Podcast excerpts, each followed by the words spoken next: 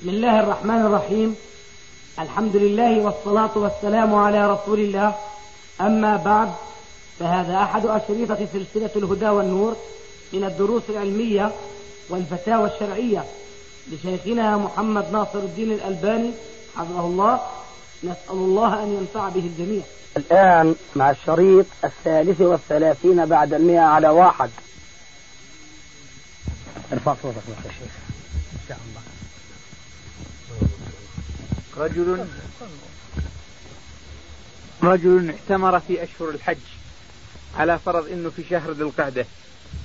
جاء من بلاده النفط من السودان واعتمر في مكة. ثم رجع إلى مكان عمله لنفرض في مدينة الجبيل. أثناء هذه الفترة قرر أن يحج. ولما من قبل ما كان؟ ما كان مقرر قبل عمرة فقط. فبعد رجوعه إلى مكان العمل قرر أن يحج فهل عليه عمرة؟ آه جبيل وين هذه؟ جبيل في المنطقة الشرقية. تبعد 1000 كيلو عن مكة. آه. أو 1500 على وجه التحديد. ما دام ما كان ناوي عمرة الحج فلا بد له من عمرة عمرة الحج. إنما الأعمال بالنيات. فلو أوقع العمرة الأولى بنية أن يتبعها بالحج ثم رجع إلى عمله فيستطيع أن يعود حاجا بدون عمرة لأن تلك تعتبر عمرة التمتع. أما وهو لم ينوي عمرة التمتع وإنما نوى عمرة مطلقة فلا تحسب له عمرة التمتع.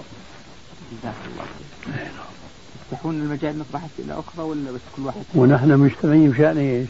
ما هو نفتح المجال. أخونا قال الوقت ضيق والى آخره مشان حتى كان من هديه صلى الله عليه وسلم أن يؤخر الركوع أو يتأنى في الركوع حتى يدركه المتأخر في الصلاة. مثلا كان في الركوع فسمع دربك أو سمع صوت رجل يأتي. فهل كان من هديه صلى الله عليه وسلم أن يتأخر في الركوع؟ حتى يفتح المجال للمتأخر أن يدركه ويدرك الركعة.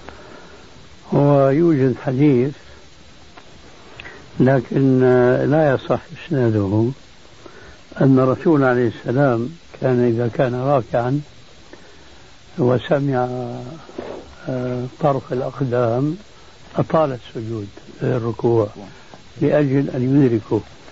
لكن هذا الحديث ما هو صحيح الإسناد.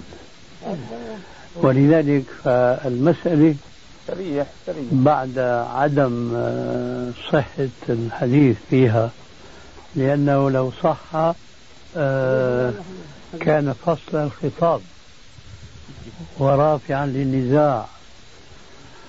لكن ما دام أنه لم يصح فتدخل المسألة في موضوع البحث والاجتهاد. وقد اختلف الفقهاء في هذه المسألة فمن مجيد ومن منكر. آه الذي يلاحظه المجيد هو أن في ذلك آه إعانة لهذا الداخل على طاعة الله عز وجل وهذا بلا شك آه خير. أما المانعون فيلاحظون أن هنا فيه ملاحظة غير الله عز وجل.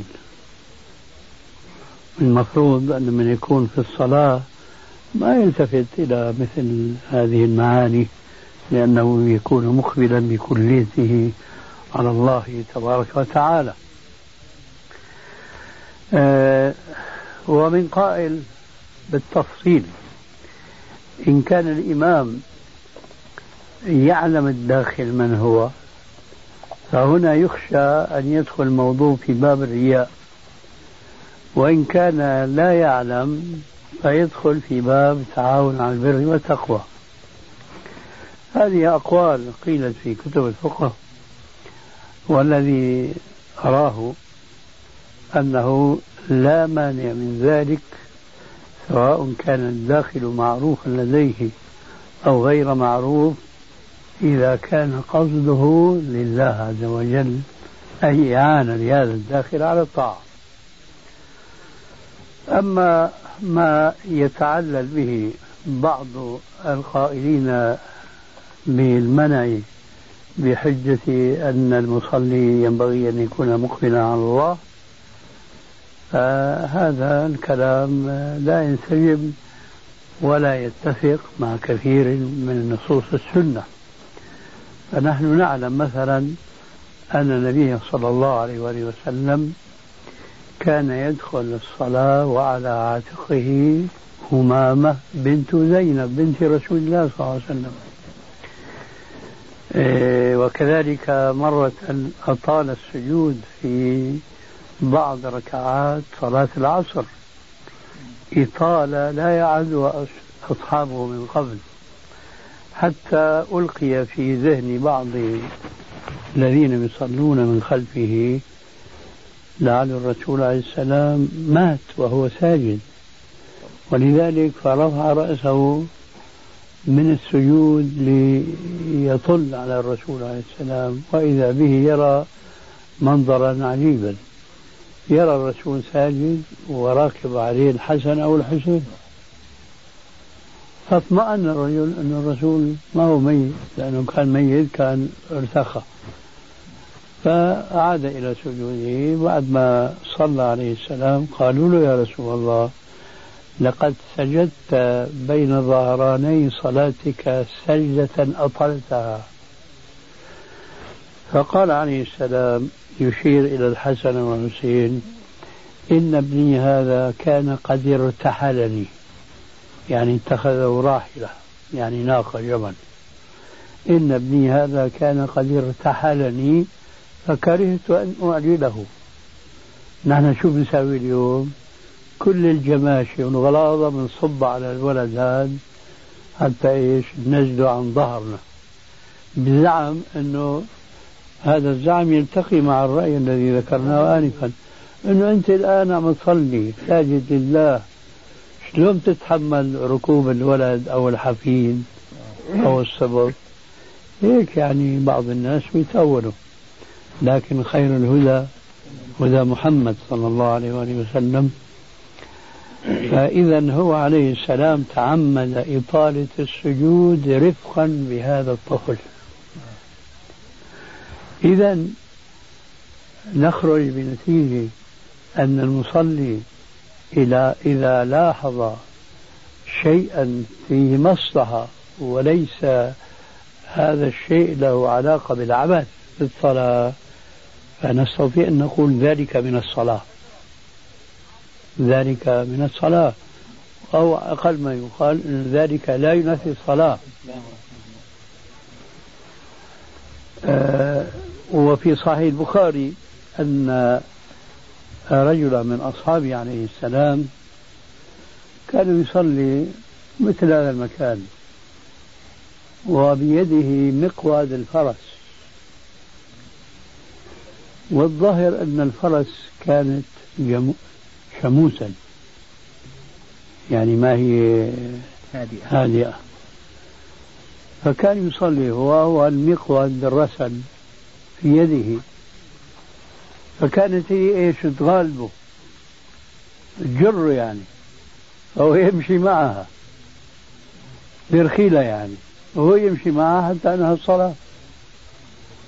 فإذا مراعاة مصالح المسلمين في أثناء الصلاة هذا لا ينافي الصلاة. بل لعل ذلك من تمام الصلاة. بالنتيجة التالية. أنه يجوز للإمام أن يطيل الركوع ليدرك الداخل الركعة بإدراكه الركوع. واضح؟ هات غيره من منطلق أنه استشهادا آه، بحديث الرسول صلى الله عليه وسلم أن الحسن أو الحسين ارتحله. مثلا كنت تصلي في البيت وطفلك يبكي. هل من هذا القبيل انك تحمل ابنك وانت وانت في الصلاة؟ يعني هل يبطل صلاتك أو هل هل هل فيها غضاضة لو حملت ابنك وهو يصلي وأمه مشغولة مثلا؟ لا نحن بناتنا آه، ذوات الأولاد يصلوا والولد في حضنها. قياما وقعودا. قياما وقعودا. إيه وهي قائمة والولد في حضنها. وهي جالسة كذلك. لأن هذا يتصل بحبل وثيق بما ذكرنا آنفا من الأحاديث. الإنكاس في الصلاة. كيف؟ في هذا إيش هو؟ المصطلح. إيش؟ التنكيس. التنكيس. تنكيس القراءة. تنكيس القراءة.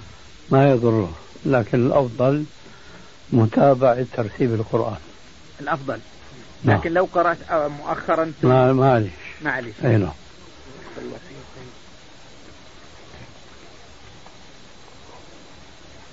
في بالقرآن يقول الله تعالى فإذا قرأت القرآن فاستعذ بالله من الشيطان الرجيم. إنه ليس له سلطان على الذين آمنوا في وعلى من الشيطان الرجيم في الآية؟ استعذ بالله من الشيطان. الرجيم. في الله. طيب. نعم نعم إنه ليس له سلطان على الذين آمنوا وعلى ربهم يتوكلون إنما سلطانه على الذين يتولونه والذين هم به مشركون. نعم. كمان واحدة لا كويس تمام. لا أنا اكتفيت جزاك الله خير. قليلا هذا ماء م- مبرد بالثلج هو ما زاد على الثلج. جبت عليها بالثلج أنا. نعم. من هذه الآية يتبين لنا أن الشيطان ليس له سلطان على المؤمنين إطلاقا ما هكذا نفهم أما إطلاقا فلا. لأن هذا ليس- ليس له سلطان. ليس له سلطان في الإغواء والإضلال نعم أما أن يمسه بنصب وعذاب هذا يدخل في عموم قوله عليه السلام نحن معاشر الأنبياء أشد ابتلاء الأمثل فالأمثل. كيف آية أيوب عليه السلام؟ إني مسني الشيطان مين حافظ مو مسني الشيطان؟ وهو نبي. واضح؟ قال مسني نعم. كيف؟ قال مسني ولم يقل أصابني وهو مكة مدة المهم يعني إنه الآية السابقة فيها علاقتها فقط فيما يتعلق باضلال وليس له سلطان. إطلاق ما إطلاق ما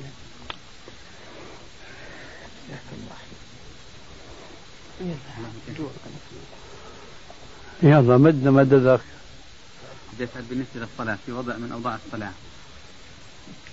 يعني تطبيقا للحديث صلوا إنما جعل الإمام ليؤتم به. هناك نقطة خلافية بسيطة بالنسبة إلى جلسة الاستراحة.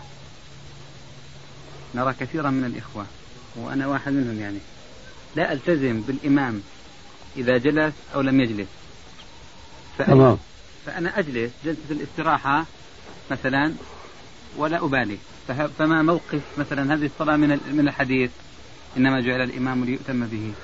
هنا المسألة فيها تفصيل. أولا هل أنت متذكر وعالم أن الإمام لا يجلس جلسة استحاء- استراحة أو لا؟ ففي حالة كونك لا تعلم فلا إشكال. واضح؟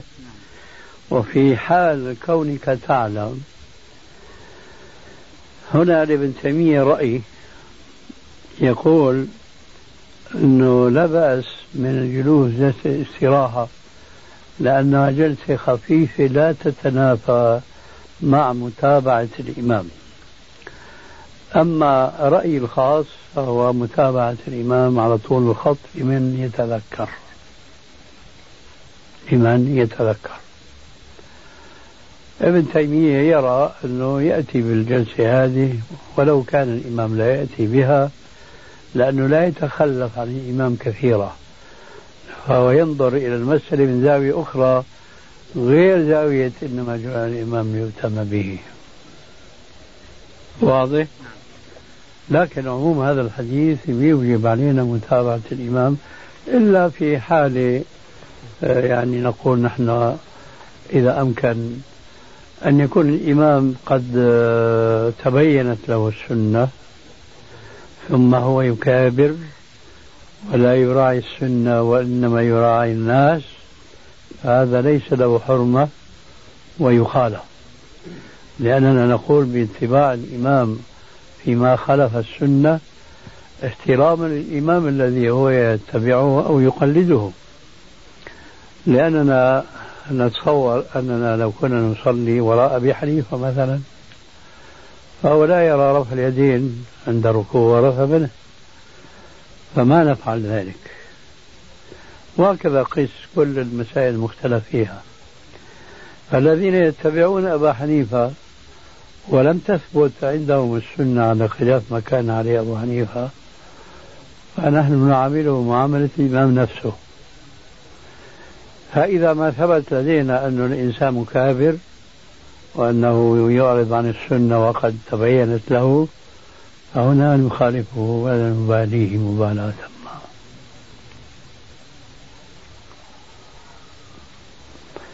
في شيء غيره؟ نعم. بالنسبة ل نعم. يعني ما هو مثلا موقف الشرع من مشاركة رجل؟ أنا أعلم أن فلوسه مثلا غير مزكية وربما يتعامل بالربا. لكن هو مثلا أحب أن يشاركني في عمل معين. فلو جبنا المبلغ اللي عنده وزكاه يعني على الأقل عندي مثلا عشرة آلاف دينار. فهل يجوز مشاركته؟ آه في فرق بين إنه يكون ماله مال ربا وبين يكون ماله مال مكتسب من طريق حلال لكن هو لا يزكي. ففي هذه الحالة الثانية ما دام تقول إنه يعني يزكي منذ ساعة الشركة فما في مانع. أما في الحالة الأولى إذا كان مكسبه من مال الحرام كالربا فما نرى مشاركة مثل هذا الإنسان ومخالطة المال الحلال بالمال الحرام. هذا هو رأيي. شيخ كمان سؤال مثل التجارة. بالنسبة للبنك الإسلامي الآن يقوم بعملية استيراد بضاعة. نعم. يستورد البضاعة ويستوردها وبيبيعها دون أن يراها ودون أن تتم عملية الاستلام والتسليم. وبسعر أغلى من سعر النقد. من سعر من سعر التكلفة. هذا هو. نعم. لا هو التكلفة نعم. أغلى من سعر النقد لأنه مش ما حدا بيشتري وبيبيع بنفس إيش؟ التكلفة. لا نعم هو يبيع بسعر أكثر من سعر التكلفة. هذا قصدي. نعم. لا أخي لا لا يقال هذا الكلام. ما في إنسان بيشتري وبيبيع بسعر التكلفة. ولا ليش عم يبيع ويشتري؟ هذا شيء صحيح لوضك يعني مقصود. يعني هو يسترد بضاعة ويبيعها طبعا بسعر أكثر للمستفيد اللي هون. كل تاجر هيك. أنت يعني أنت ربما الصورة غير واضحة. يستورد البضاعة من أوروبا ويكون ثمنها على هذا الرجل اللي في الأردن. لو لو استوردها مباشرة من دون البنك فرضا بألف دينار. فيأتي البنك فيقول أنا أبيعك هذه البضاعة ب 1200 دينار مثلا. سيدي معروف. بس أنت ارجع عن كلمتك يبيع بسعر أكثر من سعر التكلفة. أكثر من سعر النقد. هو بيبيع لأنه بيع هلا أنا تاجر. اشتريت قنطار من هذا العنب كلفني 10 قروش مو هذا سعر الكلفة؟ نعم. طيب ببيعه ب 10 قروش؟ لا بأكثر. فإذا ليش عملتوا بسعر التكلفة؟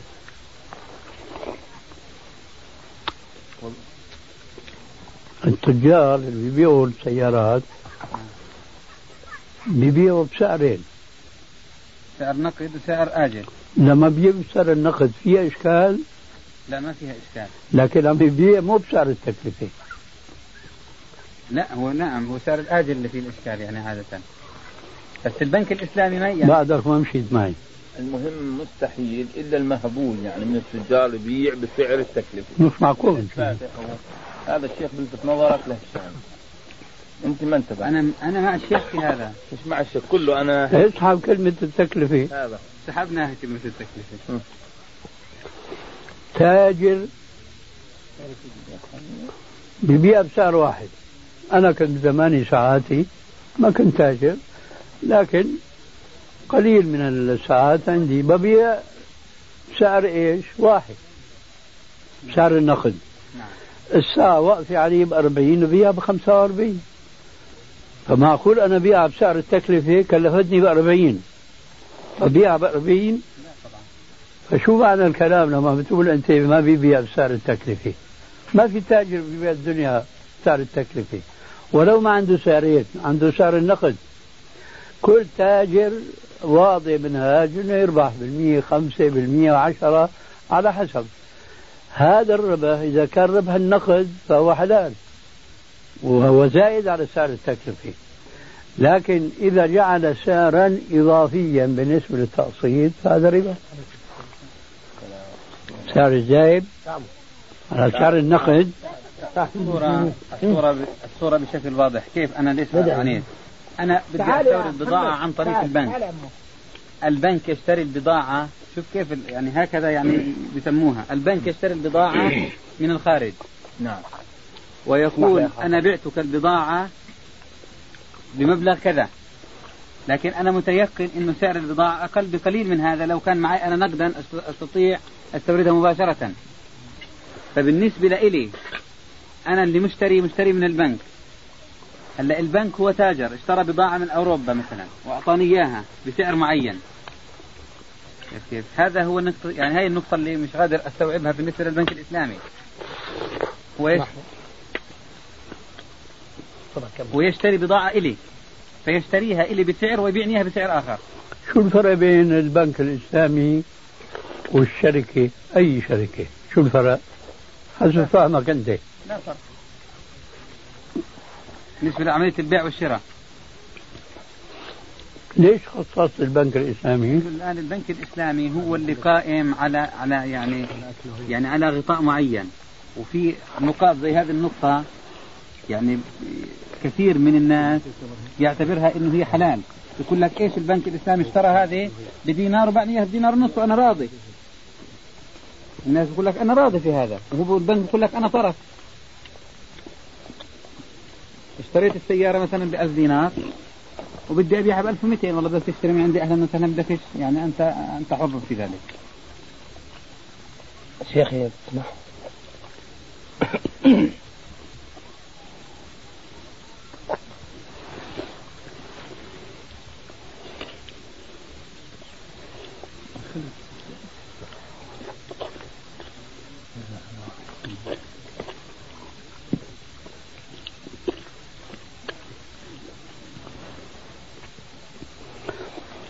أنا أرى ترك البنك الإسلامي جانبا لأنه كثيرا ما الأسماء بتغير من حقائق المسميات.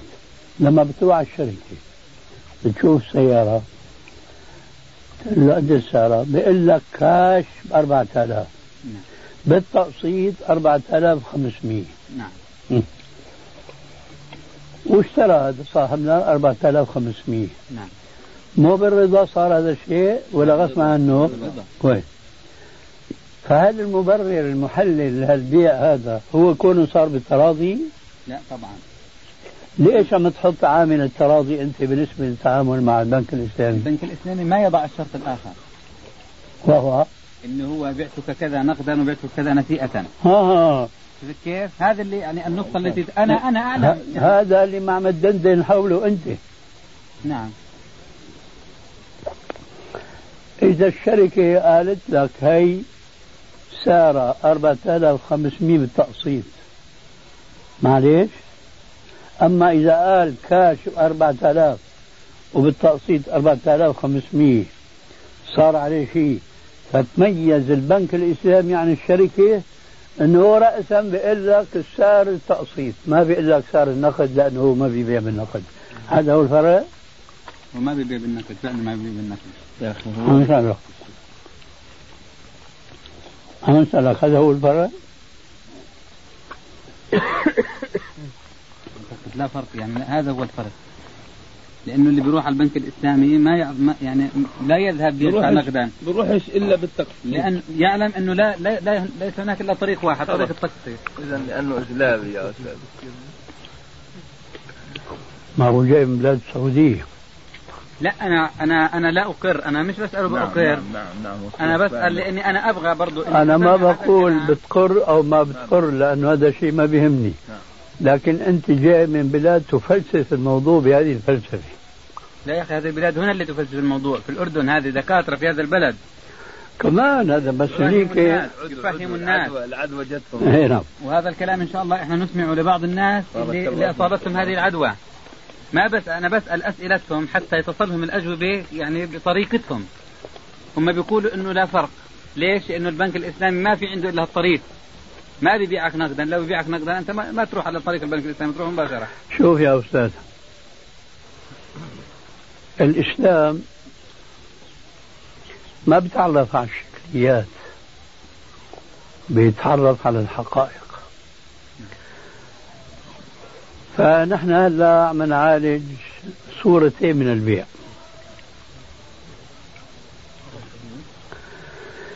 الصورة الأولى وهي الشائعة عند التجار الكبار أنه بيقدم لك سعرين سعر الكاش وسعر التقسيط. هذا بيقولوا بعض المتفقهة ولا أقول بعض الفقهاء بيقولوا هذا ما بيجوز. مو هذا اللي تعرفه أنت؟ لكن إذا التاجر قال له هاي بالتقسيط 4500 وقع البيع على هذا جاز لكن في الصورة الأولى إذا وقع البيع على هذا ما جاز. مو هيك بيقولوا؟ نعم. شو السبب؟ هل قضية قضية إيمان؟ الله قال على لسان النبي عليه السلام خمس صلوات في كل يوم وليلة. ليش مو ستة؟ ليش مو أربعة؟ ويسلمون تسليما. شي ركعتين شي أربعة أربعة شي ثلاثة. ليش؟ ويسلمون تسليما. هل هذا البيع هل اللي عم يصوروه كاش بأربعة آلاف؟ بالتقسيط أربعة آلاف خمسمية ووقع البيع على التقسيط. هذا ما جاز لأنه ذكر سعر النقد. فالصورة الثانية ذكر سعر التقسيط فقط. حل هل هذه قضية قضية إيمانية؟ يعني إجا النص إما في كتاب الله أو في حديث رسول الله أنه إذا كان البيع بهالصورة الثانية ذكر إيش؟ صورة واحدة هي صورة التقسيط جاز. ما في شيء لا بالكتاب ولا بالسنة. إذا هي ينبغي أن تؤخذ من قواعد الشريعة. إذا كان لا يوجد نص يعاكسه وهذا موجود عندنا. فنحن نسأل الآن من باب التفقه في الدين. يا جماعة شو الفرق بين الصورة المحرمة والصورة الجائزة؟ ما بتسمع منهم جواب إلا جواب تقليدي يخالف الواقع. يعني بيقولوا لما بيعرض التاجر بيعتين بيع النقد أربعة آلاف في مثالنا وبيع التقسيط ب 4500 قال هون صار في جهالة في الثمن. هيك بيقولوا. وين الجهالة في الثمن يا جماعة؟ خاصة في هذا الزمان. هل في كمبياليات وفي سندات وفي عنوان الشاري ونسبة الدفع كل شهر إلى آخره؟ مين اللي بيقول أنه صار الثمن هنا مجهولا؟ إلى اليوم بيكرروا هذا الكلام اللي قالوه بعض الفقهاء قديما قديما جدا. فالتفريق بين الصورتين كما يقول ابن تيمية في غير هذه المسألة التفريق بين متماثل. شو الفرق؟ على كل حال سجل عليه في كل من الصورتين 110 ويمكن كمان دفعت نقدا بالمية خمسة بالمية عشرة على حسب الاتفاق. مين اللي بيقول هذا الثمن مجهول؟ هن بيقولوا سبب المنع هو جهالة الثمن. لكن لما بيتحدد البيع بصورة واحدة هاي مسجلة بالتقسيط كذا ما صار في ثمنين هنا حتى يضيع البائع والشاري بينهما. هذا التعليل يبطله النظر الصحيح اللي مربوط بالواقع الذي يقع فيه الناس اليوم. أي إنسان بيشتري سيارة بالتقسيط؟ لا البائع ولا الشاري بيتساءل يا ترى بأي ثمن اشتراه بثمن النقد ولا بثمن التقسيط فيها تردد فيه؟ لا ما في إذا وين جالة الثمن اللي بيعللوا النهي؟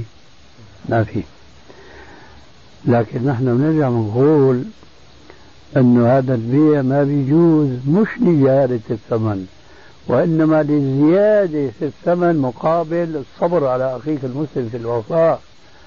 فهذا هو سبب المنع. وحينئذ سواء ذكرت صورتان صورة النقد أو سورة تقسيط أو ذكرت سورة تقسيط فقط فالزيادة حاصلة هنا وهي ربا. كما قال عليه السلام من باع بيعتين في بيعة فله أو كسهما أو ربا. شو بيقولوا بعض الناس اللي يصعب عليهم تلقي هذا الحكم؟ خاصة لما بيسمعوا مثل ما قلت أنت دكاترة شهادة دكتوراه في الشريعة ما شاء الله بيفتوا هذه فتوى. شو بيقولوا بعض الناس؟ بيقولوا يا أخي الربح محدود بنقول له بكل بساطة بكل سهولة لا مش محدود طيب أنا بدي بيع زيد من الناس نقدا أربعة آلاف وبالتقسيط ب 4500 أو 100 أو 200 هذه هو. نحن نسأله عمرك بعت إنسان ما بتعرفه بسعر النقد اللي عم يشتري منك بالتقسيط لأنه الربح مش محدود؟ ما عملها بحياته إطلاقا. ما بيعملها إلا اللي بيشتري بالتقسيط. إذا إنما الأعمال بالنيات أنت عم تأخذ زيادة. مش مثل واحد بيقول هاي المسجلة 100 دينار نقدا. بيجي واحد ثاني له 105 هذا اللي بنقول إنه الربا مش محدود طبعا هنا يشترط إنه ما يغرر بالشاري ما يقول له والله رأس المال أكثر من الكلام اللي بيطلع من الناس عادة. فإذا لما نحن بنقول والله الربا غير محدود. لكن أنت عم تستغل هالقاعدة هي وتطبقها تضعها في مكان غير مكانها. عمرك ما طبقت القاعده هي بالنسبة لمن يشتري منك بالتقسيط وأخذت منه سعر النقد. إلا بالعكس هنيك رفعت السعر أما اللي بيدفع لك نقد ما بترفع له السعر. ليش؟ مالك حر آه أنت حر هون ومالك حر هنيك هذا تلاعب طيب بالنسبة للموضوع الآخر. قضية شراء البضاعة بدون ما البنك يرى البضاعة. لا بيستلم ولا بيسلم حقيقة. وإذا سؤال تكملة وإذا تدمرت البضاعة مثلا في البحر فالبنك غير مسؤول عن التلف. هل هذه القاعدة يعني هل هذا شرعا يجوز؟ لا. البنك المسؤول البنك هكذا شرطه. إنه يستورد البضاعة باسمك من لندن مثلا وبحجة إنه لما تصل ببيعك إياها إذا تدمرت خربة الباخرة أو غرقت في البحر أنت المسؤول عن البضاعة. الموظف الموظف تبعها. يعني البنك لا يتحمل البنك لا يتحمل تلف البضاعة في حال مثلا تلفها. ظاهر في بنوك في هيك بالنسبة للبنك الإسلامي. نعم. الموظف وأنا حكيت في الموضوع هذا أنا وياه. نعم. قال لي لو يقولوا أنتم بتاخذوا زيادة قال لي نحن يا عمي عم بنشارك مشاركة بحيث إنه لو تلفت البضاعة في الباخرة أو في الجمرك أو أتلفت من من الشمس أو أو تدهورت السيارة من عمال العقبة إحنا مسؤولين. أنت لك تدخل في تدخل في محلك ساق ما تستلمها إلا في محلك ساق فهذا هذا الشيء أنا خسرت عدة مرات في أشياء زي هيك كانت على حسابي. مين يدفع لي بديلها؟ لا نفس الموظف حتى على كل حال قد يكون واقع هيك أو هيك لكن إذا كان بالصورة اللي عم تحكيها طبعا ما بيجوز. لكن إذا تركنا بها تقسيط مقابل الزياده جانبا فبيجوز خلافا للقاعدة لا تبع ما ليس عندك.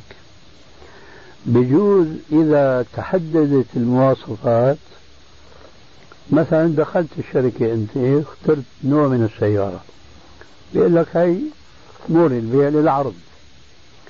لكن نفس المواصفات اللي موجودة بها السيارة نحن بنجيب لك إياها وبسعر كذا. للتسليم يعني شايف؟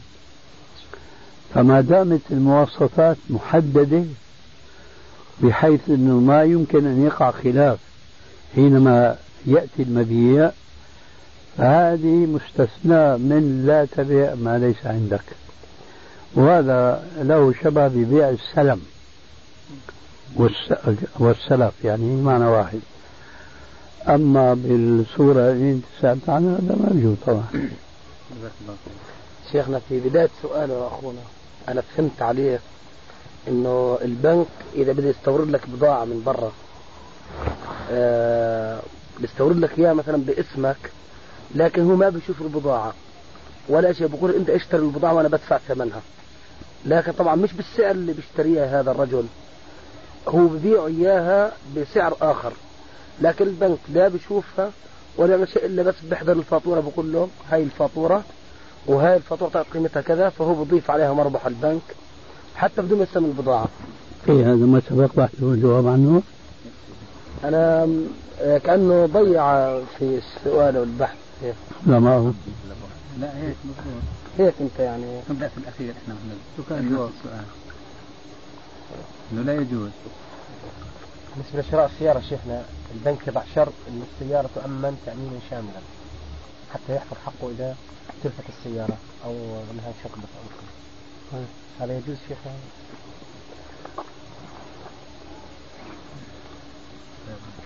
تأمين شامل لا يجوز بالنسبة لسجود التلاوة السرية ماذا يعمل الإمام؟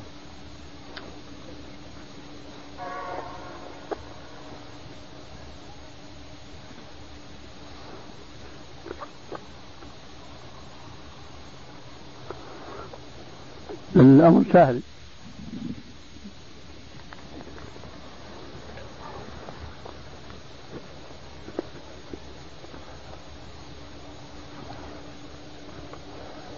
إذا تذكرنا. نعم. سهل على من سهله الله عليه. إذا تذكرنا أن سجد التلاوة ما هي واجبة؟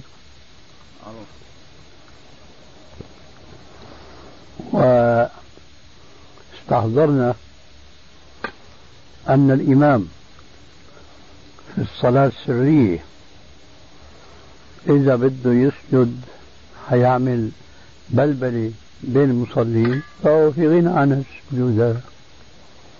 لأنه ما هو فرض عليه. بخلاف ما لو كان هذا الإمام يصلي مع ناس يعني معدودين معروفين بيقظتهم العلمية. فلما بيشوفوا الإمام سجد بيسجد بيسجد وبيسجدوا معه دون إنه إيش يصير أي قلقلة وأي بلبلة. فما في مانع حينئذ أن يسجد. لأنه ما في هون المحظور اللي أشرنا إليه انفا. يعني سجد بده ينهض كيف بده يشعر من وراءه من أهل العقل والعلم؟ ما هي مشكلة هذه لأنه اللي ورا الإمام في عندهم حاسة غير حاسة السماء. حفيف النهوض الشغلة اللي وراء تماما. وأنا حكيت لكم مرة شو صار معي. يوم جمعة كنت مصيف في قرية هناك اسمها مضايع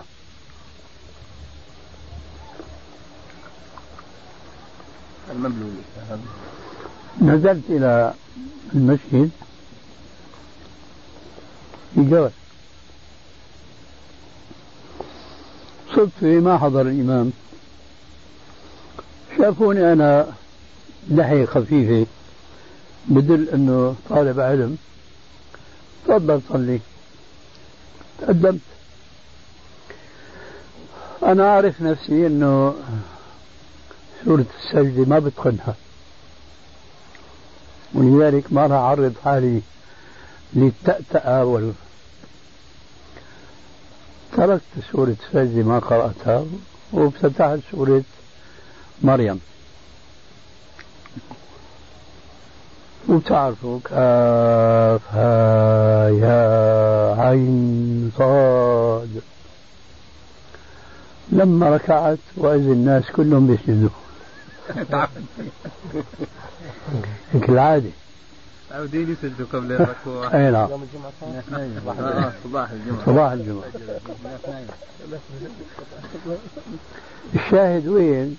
اللي وراي أحسوا أنه أنا ركعت ما سجدت. اداركوا الأمر. لكن اللي خلف المنبر تموا جماعة ساجدين؟ لا سمعوا قولي سمع الله لمن عمله. واشتغلت الشوشرة والصياح والعياط هناك أنا صرت أتممت الصلاة. عملت لهم كلمة موعظة قلت لهم يا جماعة؟ والله القصة لو وقعت في بلاد العجم تستنكر أشد استنكار.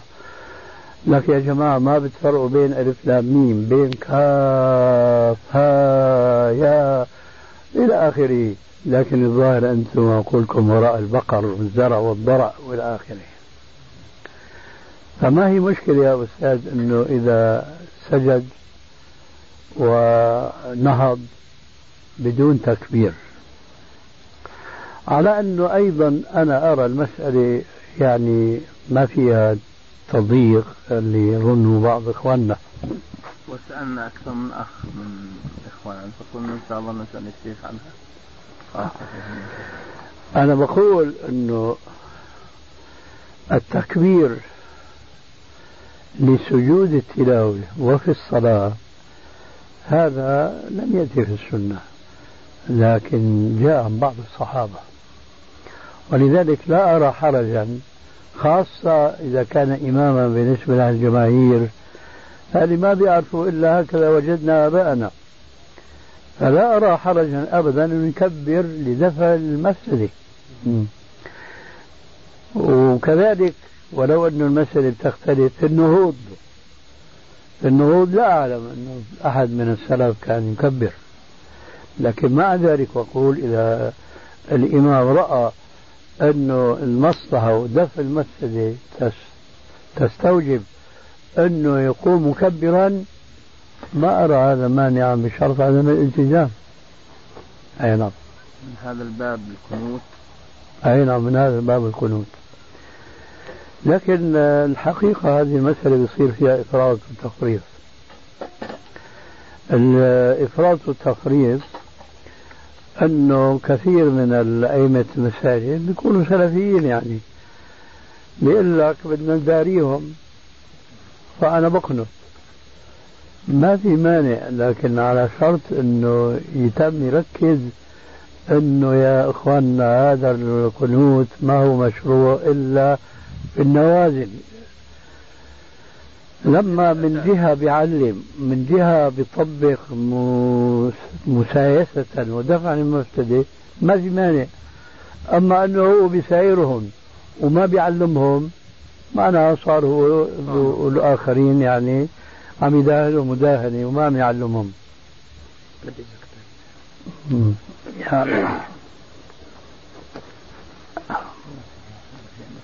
نعم نعم. نعم. إمام يص... الأخ تفضل تفضل تفضل. هذا ناصر. مسافر هذا الكل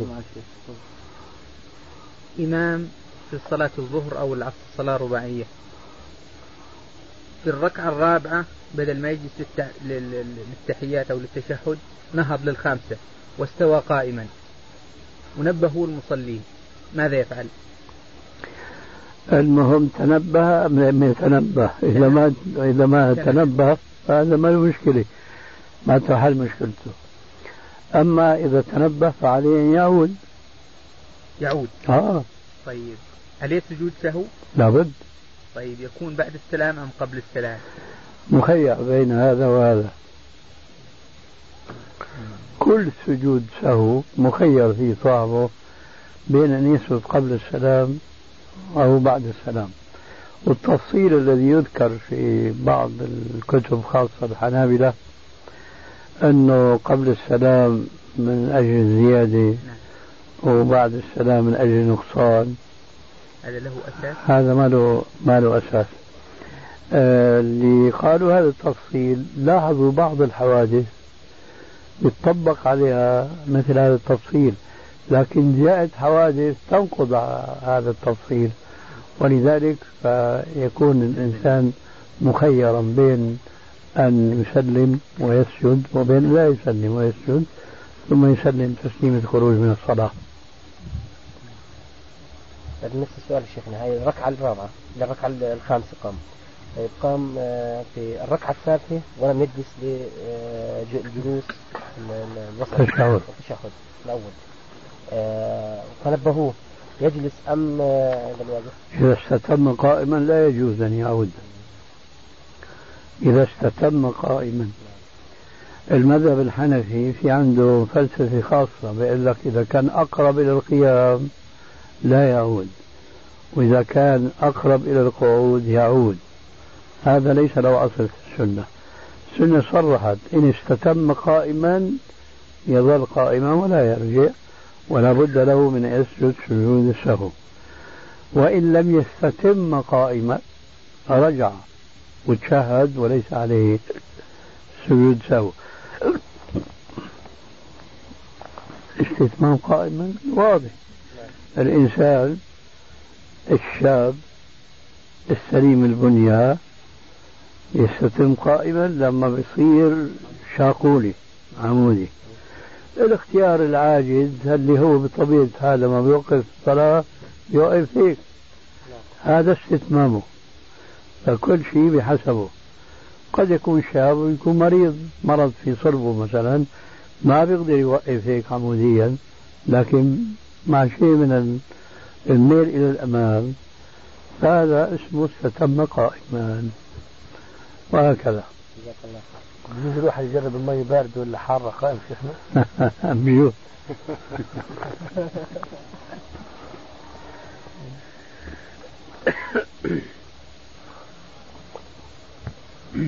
في أحاديث كثيرة بترد على بعض الناس أن من السنة أن يشرب الإنسان من زمزم وهو واقف يجوز بعض إخواننا بيسمعوا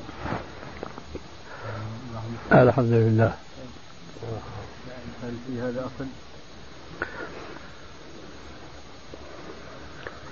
شفتوا الرسالة اللي ألفها أحد السعوديين؟ سمى جزء في كيفية النهوض. إلى الركعة الثانية الصلاة. اللي اسمه بكر بن زيد أظن. ما شفتوا هذا الجزء. بكر أبو زيد شيخنا؟ ها؟ هذا اللي كان هون من عندي قريب. إيه؟ هذا تعرض في هذا الجزء لمسألتين. المسألة الأولى النهوض آه، بعد جلسة استراحة.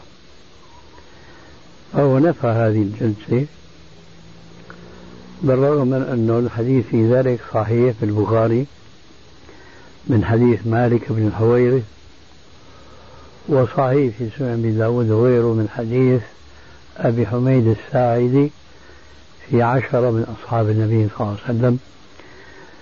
كلهم صدقوه حينما وصف لهم الصلاة وفيها أنه لما أراد الرسول يقوم من الركعة الثانية جلس في هذه الجلسة الخفيفة ثم قام.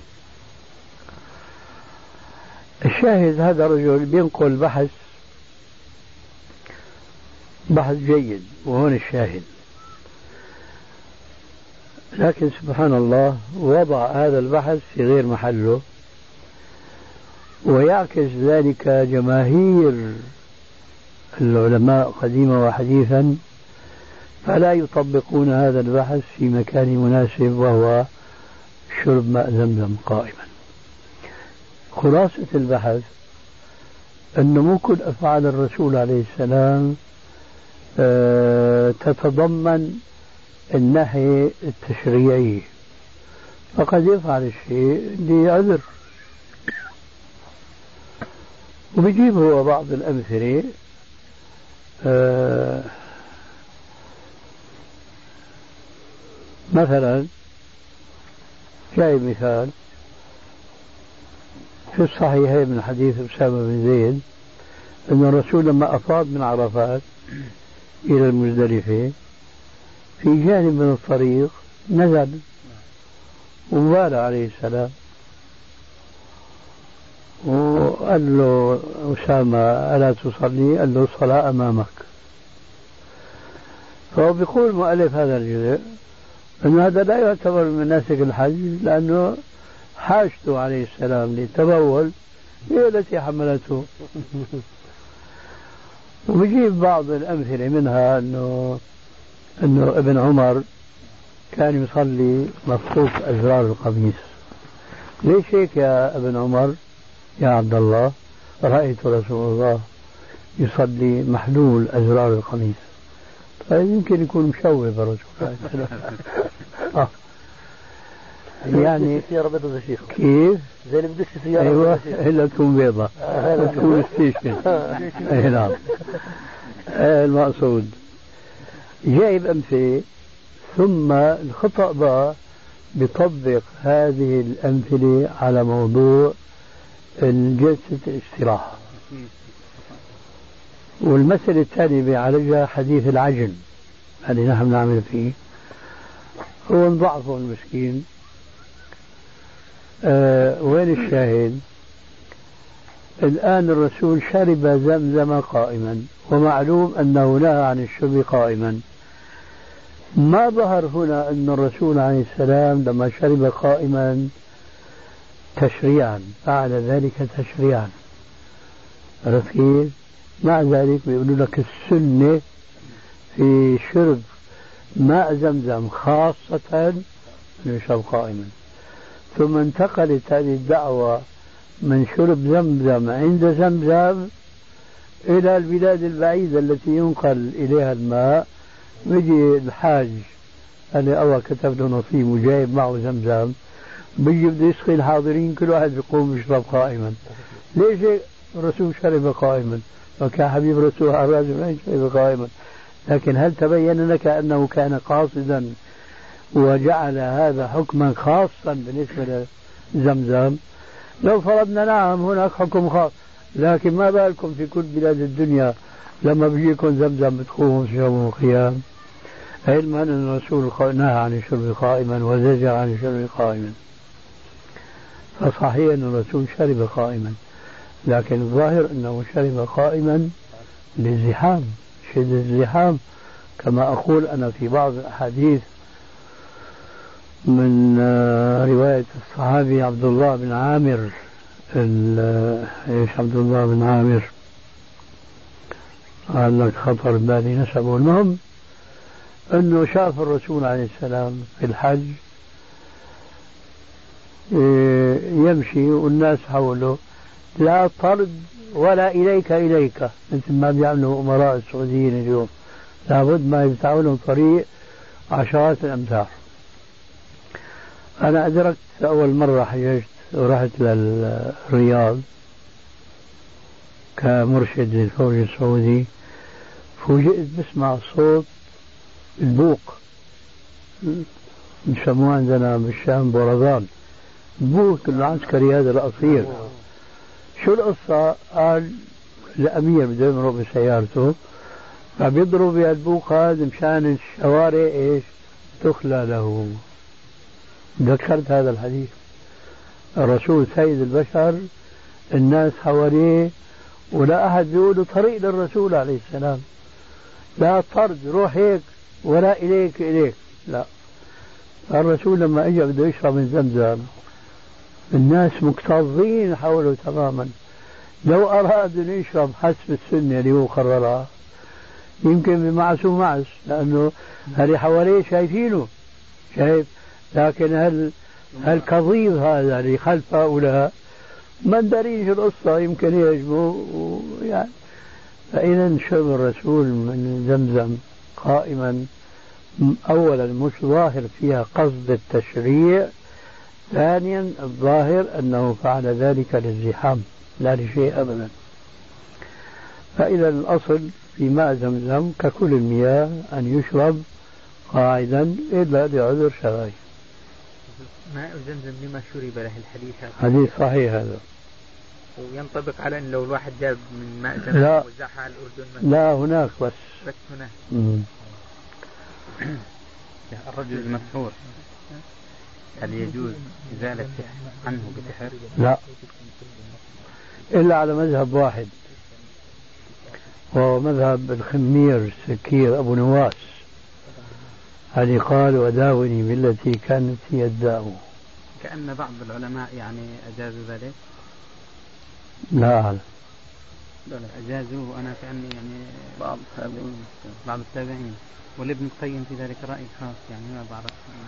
لكن هناك من قال يعني. برجح الراجح. كيف؟ رجح الراجح بس بذكر هذا إنه في في ابن تيمية ابن حجر بذكر والله أنا إذا ما رأيت عبارته صعب أن أؤمن لأنه ما هو السحر السحر الذي يراد استعماله لإزالة السحر ما هو؟ هو الذهاب إلى الكهنة وإلى السحرة والاستعانة بهم على إزالة السحر هذا تعاون على المنكر كيف يقال بجوازه؟ يعني هم كيف كيف الاستدلال؟ قالوا الساحر يسحر الناس. الرسول صلى الله عليه وسلم عندما سحره اليهود. يعني كان الله سبحانه وتعالى هو المبين. يعني بين الله سبحانه وتعالى له أنه سحر. نعم. والحديث معروف. والحديث صحيح. الآن بقول لك طب إحنا الناس طب يعني كيف ومن الذي يخبرنا مثلا؟ الملائكة عانت الرسول صلى الله عليه وسلم. كمان يعيننا. هذا الإشكال اللي يعني يشكل على على البعض. وسئلت عن هذا وبحثت. كثير بالكتب توصلت لابن القيم في له كلام وبعض العلماء لكن طلع يعني طلعت في صوره غامضة ما ما ما هي واضحة. لكن أنا بارك الله فيك سألت سؤال. ما هو نوع السحر الذي يراد به إزالة السحر؟ أو الاستعانة بالشياطين؟ نعم. نعم هو طيب هذا بيقول بجوازه ابن تيمية ابن القيم. لا ما ما قال ابو قال. بتقول بجوازه ما قال. أنا منه ينقل. لا، ينقل. أما أنا ما ما طلعت بصوره واضحة. وظاهر يعني له رأي. لكن أنت بتقول أنه قال بعض العلماء. آه، قال هذا إيه. ابن سيرين أو سعيد. أو مين؟ أظن ابن سيرين أو سعيد بن المسيب أو وا- يعني من التابعين. إيه أنا بقول أنه يجب التثبت من من معرفة السحر الذي يستعان به على إزالة السحر المشهور. النشرة أو النشرة هذه اللي بتفعل للمحبة للصو- للبغض طيب النشرة التي يكتب فيها أسماء لا تعرف معانيها. يعمل هيك بيقصد ابن سيرين؟ مش معقول؟ ما بيجوز أخي المبادئ القواعد الشرعية. كما قلت لك إلا على مذهب أبي نواس وداوني بالتي كانت هي الداء. فالسحر داء أن يعالج الداء.